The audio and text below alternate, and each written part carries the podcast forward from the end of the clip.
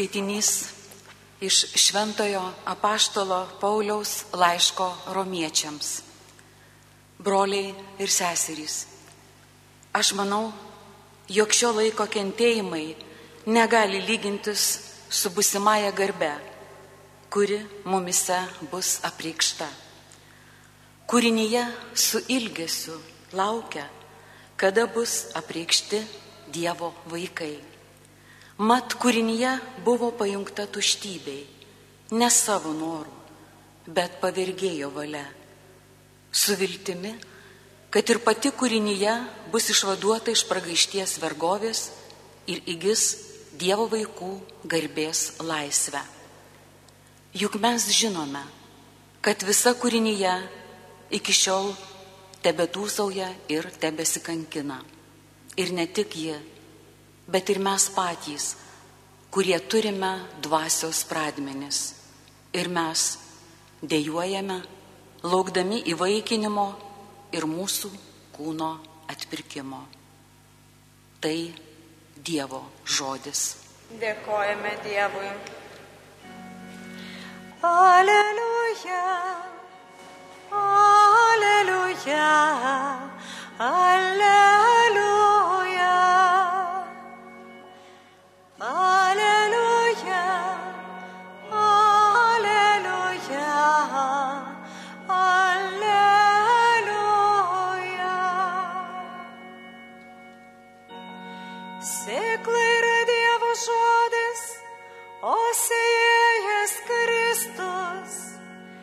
Kas jį atranda gyvens per amžius.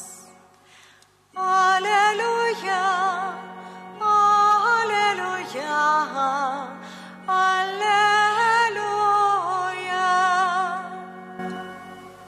Viešpats su jumis. Iš Šventojios Evangelijos pagal matą. Vieną dieną išėjęs iš namų, Jėzus sėdėjo ant ežero kranto. Prie jo susirinko didžiulė minė, todėl įsilipo į valtį ir atsisėdo, o visi žmonės stovėjo pakrantėje ir jų, jis daug jiems kalbėjo palyginimais. Jis sakė, štai sėjėjus įsirengė sėti, jam besėjant, vieni grūdai nukrito prie kelio ir atskridę paukščiai juos sulėsi, kiti nukrito ant uolų, kur buvo nedaug žemės, jie greit sudygo, nes neturėjo gilesnės žemės sluoksnio. Saulė patekėjus, daigai nuvyto ir neturėdami šaknų sudžiūvo. Kiti krito tarp erškėčių, erškėčiai išaugo ir nusmelkė juos. Dar kiti nukrito į gerą žemę ir davė derlių, vieni šimteriopą grūdą, kiti šešiasdešimteriopą, dar kiti trisdešimteriopą. Kas turi ausis, te klauso. Tai viešpatė žodis.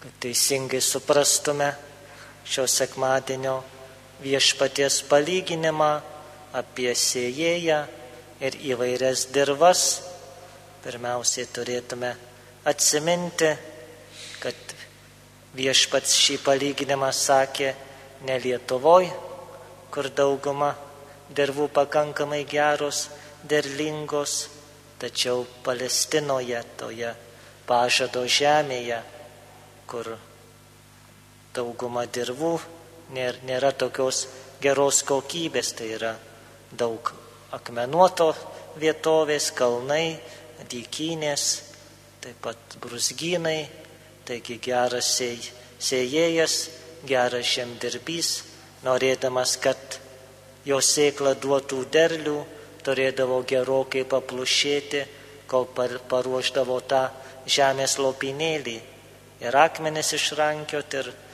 ir erškėčius išravėti ir, ir supurenti dirvą ir ją prižiūrėti, kad gautų tą 30 teriopą, 60 teriopą ir 100 teriopą derlių.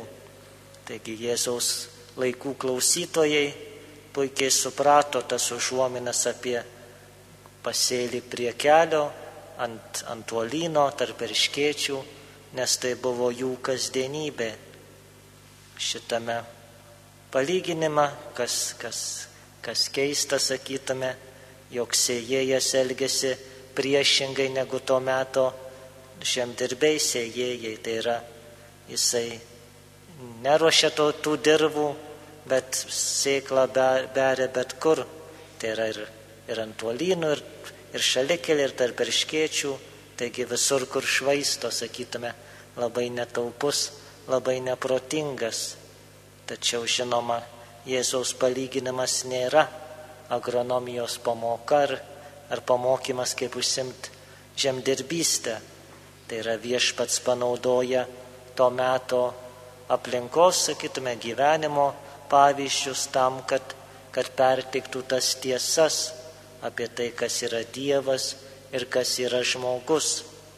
Taigi tas sėjėjas tai yra pats Kristus, kuris sėja Dievo žodį, sėja malonės, jisai jas tikrai netaupo, dosniai lieja kiekvienam, kiekvienai dirvai, kiekvienam žmogui.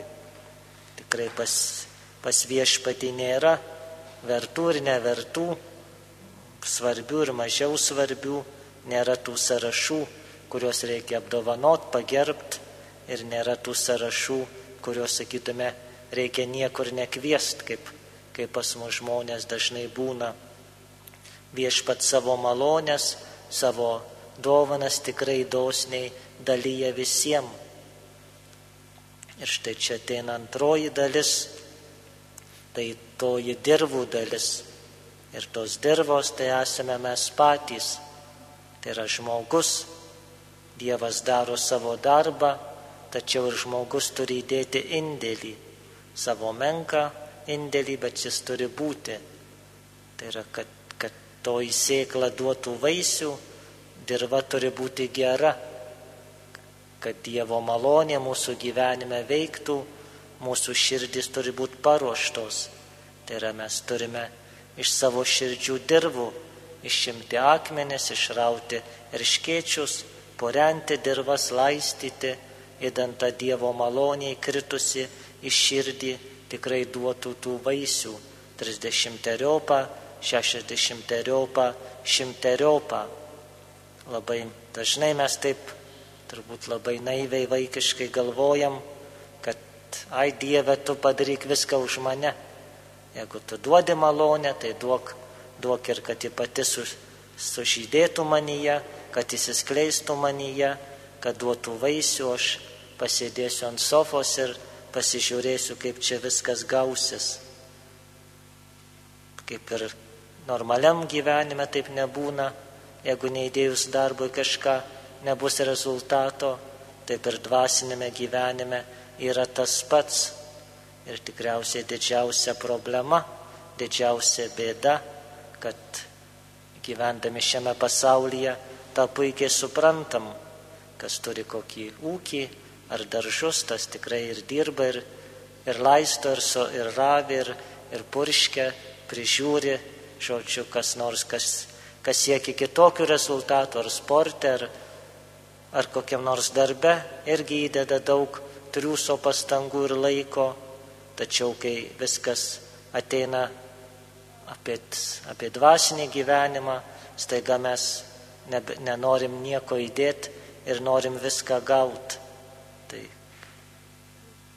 tikrai toji, toji didžiausia žmogaus tragedija kad kartais atrodo, jog yra lengviau Atlantą perplaukti, negu ateiti prie klausyklos iš pažinties, lengviau gal kur nors užkopti kokį kalną, negu ateiti sekmadienį mišes, nes kaip čia tiek rasim to laiko, esam tokie užimti, kaip Amerikos prezidentai turim daug darbų, daug pasaulio rūpešių įspręsti, kurgi aš čia rasiu Dievui laiko dažniausiai mūsų ir būna pasiteisinamai. Neturiu kada ryte pasimelst, nes jau reikia eiti kažkur, neturiu kada vakare pasimelst, o jeigu pažiūrėtume, kur mes tą laiką išeikvojam, tikrai pamatytume, kad daugybei nereikalingų dalykų. Tai yra piktoji dvasia, taip ir stengiasi, kad, kad nesimelstume, nesistengtume, nesikeistume, nedėtume pastangų, ir tuomet jinai laimi, nes kuo mažiau pastangų dedam, tuo mažiau Dievo malonė mumise veikia. Dievas lieja savo malonės, tačiau neranda širdies, kuri, kurioje toj malonė sudygtų. Ir tuomet būnam tokie ir drungni, ir šalti, ir visai atšalę. Ir todėl ir daug nerimo, daug depresijų, daug pykčio, daug gyvenimo beprasmybės, dėl to, kad nesimeldžiame, dėl to, kad neteiname pas viešpatį, dėl to, kad vengiame eiti iš pažinties dažnai. Visi šitie dalykai nėra tik tai, sakytume, hobis ar laisvalaikis ar šiaip rekomenduotina, tai yra privaloma. Kaip ir maistas, tikrai niekas nepasirenka ar valgyti ar nevalgyti, kaip ir oras negalim pasirinkti, ar kvėpuosiu ar nekvėpuosiu, nes jeigu nekvėpuosiu, numirsiu. Taip ir čia, jeigu nesimelsiu, nepraktikuosiu savo tikėjimą, aš dvasiškai būsiu miręs, bet tai nuo to nukentėsiu tik aš pats pirmiausia, nukentės mano artimieji, nukentės visi tie, kurie yra patikėti mano maldoms. Taigi tikrai palaiminto viskopo Teofiliaus pavyzdžių tikrai nebūkime apsileidę, prašykime, kad viešpatė duok to stropumo, duok to olumo, paruošti savo širdis tavo atėjimui, kad tikrai duotume tų vaisių. Amen.